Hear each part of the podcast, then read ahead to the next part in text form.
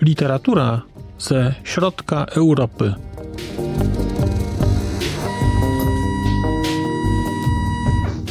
Podcast około książkowy.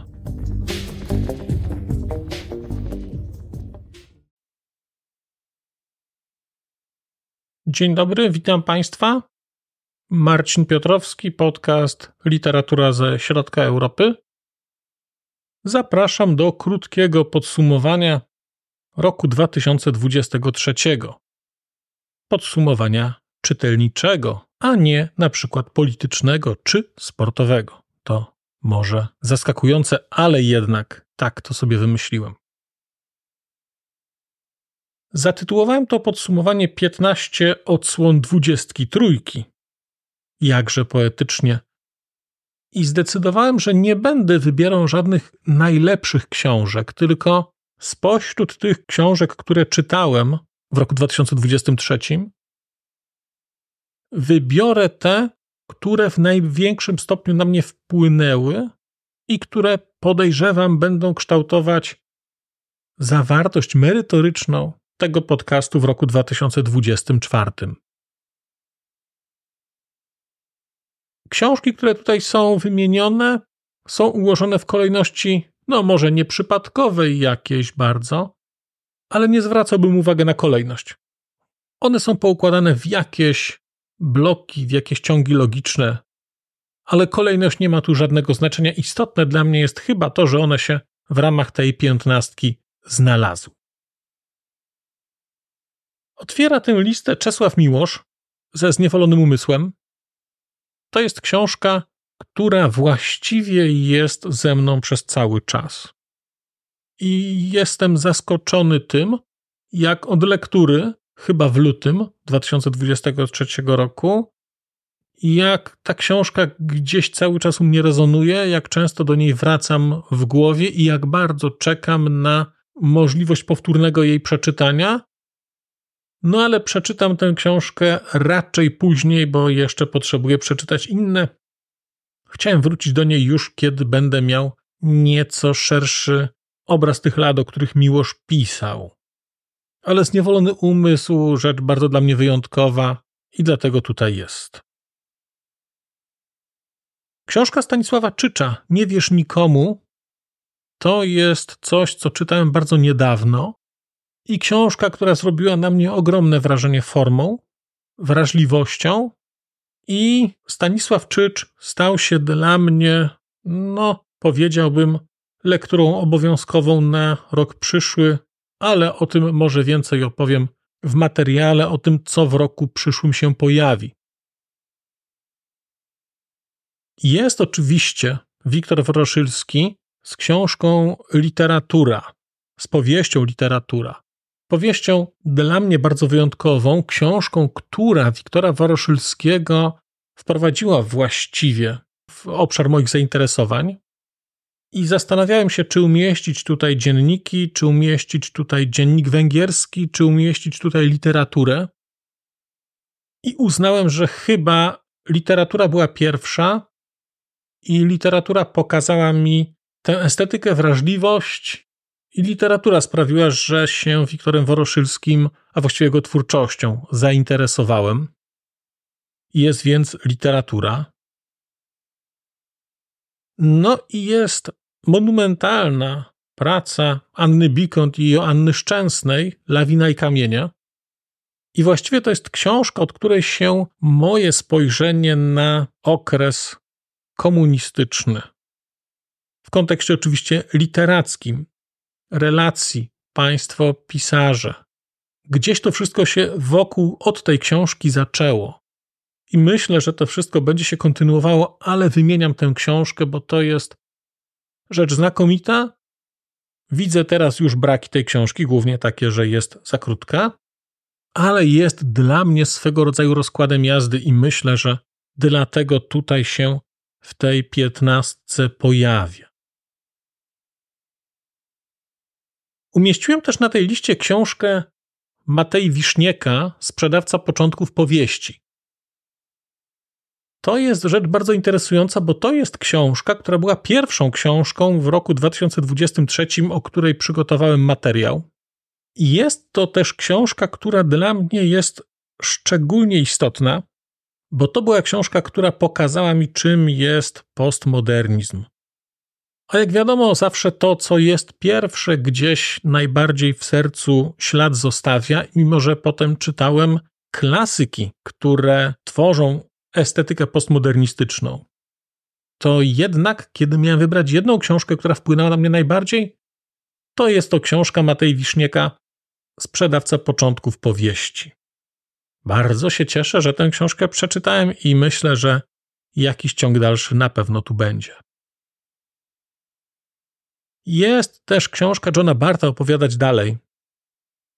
To jest dla mnie chyba najbardziej inteligentny postmodernizm, na jaki trafiłem. Cudownie przepracowany autotematyzm. I dla mnie ta książka pokazuje, że postmodernizm to nie tylko forma, ale poza formą on może nieść także bardzo głębokie historie. Tyle może na razie, ale myślę, że John Barth też jakoś powróci. No i była też w ramach postmodernizmu książka Briana McHale'a, powieść postmodernistyczna. Znakomite opracowanie. Opracowanie, które jest dla mnie rodzajem mapy, dzięki której po tym postmodernizmie poruszam się jakoś w sposób trochę bardziej ogarnięty, ustrukturyzowany. Książką, która nauczyła mnie ten modernizm czytać, odczytywać, dekodować. Pokazała mi odcienie i tak naprawdę była takim opisaniem postmodernistycznego wszechświata, w którym już jakoś zacząłem się odnajdywać, ale ona dała mi teorię, ona dała mi podkład i dzięki tej książce mam nadzieję będę tego postmodernizmu smakował więcej. Mamy książkę Wacława Hawla. Wybrałem sobie książkę Obywatel Kultury jako zbiór tekstów Hawla i Hawla dotyczących. Jednym z niezrealizowanych projektów roku zeszłego był projekt większego poczytania Hawla. I zaparkuję teraz ten temat, bo myślę, że powrócę do niego przy prezentacji planu takiego ramowego na rok 2024. Drugim czeskim pisarzem, który się tutaj pojawia, jest Martin Ryszawy. To jest bardzo wyjątkowa książka, wracz. Ona jest dla mnie dlatego także wyjątkowa, że to jest książka, która bardzo skutecznie wprowadza w mój obszar zainteresowań tematykę rosyjską, gdzie ja się jakoś mocno bronię, ale ten wracz jest ze mną cały czas w kontekście i Rosji, i Ukrainy, ale także narracji, ale także dramatu, pisania. I myślę, że no nie wykluczam tego, że w roku przyszłym chciałbym Martina Ryszawego poczytać więcej, w szczególności te jego książki poświęcone Syberii. No ale zobaczymy. Mam tutaj także książkę Daniela Wisera, Królowa Gór. Książkę, która zrobiła na mnie ogromne wrażenie. Twórca młody. I to jest książka, która u mnie otwiera wątek austriacki. Natomiast kiedy myślę sobie o tej książce, o Królowej Gór, to myślę o tym, że to jest literatura na nowe czasy. Literatura, która porusza problemy, wobec których stawać będziemy coraz częściej, prawo do śmierci, prawo do decyzji, a jednocześnie robi to w bardzo wyjątkowy sposób i dlatego na tej liście jest. Jest na tej liście także Herman Broch z lunatykami. Lektura tej książki to jest, mam wrażenie, jedno z najważniejszych wydarzeń dla mnie zeszłego roku. Jedna z najlepszych rzeczy, jakie w ogóle kiedykolwiek czytałem. Genialna książka pod względem formy, pod względem treści, bardzo poruszająca bardzo mocno podbijająca jednak rolę literatury austriackiej dla mnie, znaczenie literatury austriackiej dla mnie. I to jest dla mnie tyle ciekawe, że ta literatura austriacka była przeze mnie odkładana, a kiedy się pojawiła, no to no to weszła bardzo mocno.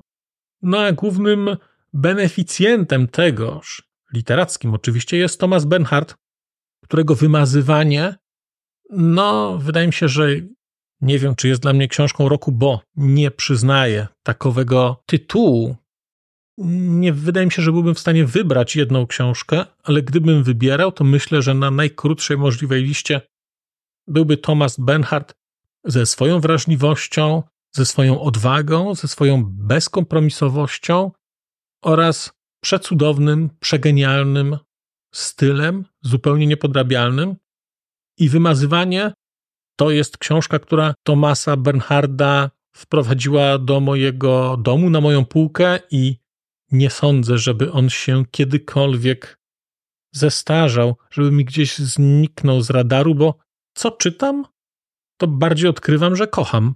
No, to taka sytuacja. Więc Thomas Bernhard, wymazywanie, rozpad. Dla mnie rewelacja. Jest także komiks. Jest także komiks i nie czytałem tych komiksów dużo. I miałem duży dylemat, który z tych komiksów wybrać. Ale uznałem, że dam chyba komiks Sonnego Liu, Życie i czasy Charlie'ego Chan Hok Chai dlatego że zachwycił mnie ten komiks na poziomie koncepcji, na poziomie wykonania. Jest nieoczywisty, a sprzedaje też historię o tym, że ludzie wszędzie są tacy sami, co może jest banałem, ale historia singapurska brzmi wyjątkowo blisko historii polskiej, więc jest Sony Liu i mam nadzieję, że nie jest to ostatni komiks, który gdzieś u mnie się pojawia. Osobnym wątkiem jest wątek słowacki. Nie wyróżniłem tutaj żadnej książki, bo uświadomiłem sobie, że to jest dla mnie o tyle niesamowita sytuacja, że trudno mi jest wybrać jedną książkę. Żadna z tych książek, które czytałem, nie jest aż tak przełomowa, nie była aż tak przełomowa. Ale suma doświadczeń, które one niosą, suma estetyk, jest taka, że w przyszłym roku, wydaje mi się, ta literatura słowacka będzie u mnie bardzo mocno obecna. Kiedy myślę sobie o tej Słowacji, przede wszystkim myślę o literaturze słowackiego południa, więc tutaj powiedziałbym o Lajoszu Grendelu, o Danieli Kapitaniowej, o Peterze Balko. Trudno jest mi tutaj coś wybrać. Natomiast niewątpliwie Słowacja jest dla mnie takim dużym odkryciem i będzie jej niewykluczone, że więcej. No i odsłona piętnasta tego, co było wyjątkowe w tym roku, no to dla mnie niewątpliwie, niewątpliwie wyjątkowe i niepowtarzalne jest tworzenie cyklu Pociąg do literatury. Cyklu, który tworzymy razem za nią ze znalezione przeczytane. I to jest coś, co przyznam, dostarcza mi ogromnej przyjemności, ogromnej frajdy. I nie ukrywam, że lista rzeczy do pociągu jest długa i obawiam się, że dłuższa niż ten pociąg będzie miał technicznie okazję dojechać wszędzie, bo chyba, żeby to wszystko zrealizować, to musielibyśmy zamknąć te swoje rzeczy i nagrywać tylko pociągi. Ale ten pociąg jest dla mnie wielką przyjemnością i też takim zupełnie nowym podejściem do myślenia o literaturze, gdzie nie jest to tylko mówienie, ale to jest rozmowa, dialog. Więc bardzo się cieszę, że ten pociąg zaczął jeździć i liczę, że w roku 2024 bez opóźnień, bardzo regularnie także będzie kursować. I to tyle w ramach podsumowania. Linki do wszystkich odcinków znajdą Państwo w opisie tegoż odcinka. A ja myślę, że bardzo wkrótce powrócę do Państwa z osobnym materiałem, gdzie będę mówił o planach na rok 2024 i pewnie będę się do tego materiału, który w tej chwili Państwo wysłuchali, odnosił, dlatego że, jak wspomniałem, rzeczy, które się tu znalazły, to są książki najbardziej wpływowe, a ten wpływ oceniam po tym, w jakim stopniu kształtują one moją przyszłość. A wydaje mi się, że te całkiem znacznym. Bardzo dziękuję Państwu za uwagę. Ciekaw będę Państwa opinii także na temat tych książek, a może któraś inna z książek, o których Państwo mnie słuchali, jakoś dla Państwa miała większe znaczenie, jakoś szczególnie na Państwa wpłynęła. Rad wysłucham opinii, przeczytam opinię, więc zachęcam do dzielenia się refleksjami. Tymczasem to tyle. Bardzo dziękuję i powrócę do Państwa już wkrótce z jakimś kolejnym materiałem. Dziękuję. Do usłyszenia.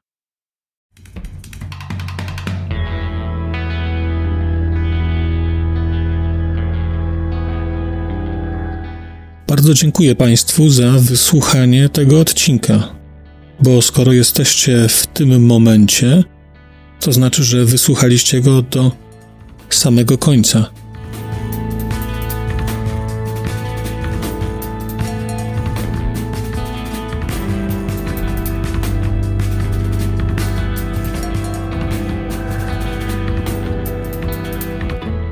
Słuchaczy platform podcastowych chciałem zaprosić na kanał na YouTubie, gdzie znajdziecie Państwo te same treści, ale dzięki modułowi komentarzy będziecie mogli wejść w interakcję z innymi słuchaczami tego podcastu i dzielić się swoimi spostrzeżeniami dotyczącymi książek, ale nie tylko.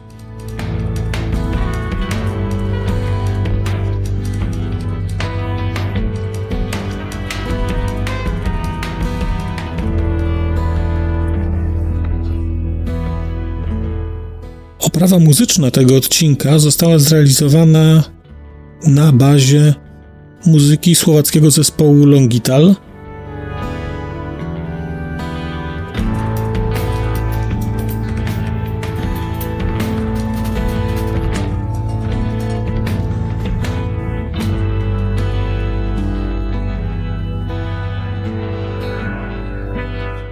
Longital to Wspaniała słowacka grupa, której muzyka jest dla mnie kwintesencją nowoczesnego brzmienia Europy Środkowej. Bardzo Państwa zachęcam do posłuchania tego zespołu i chciałem podziękować Shinie i Danielowi, że zgodzili się na wykorzystanie ich muzyki w moim podcaście.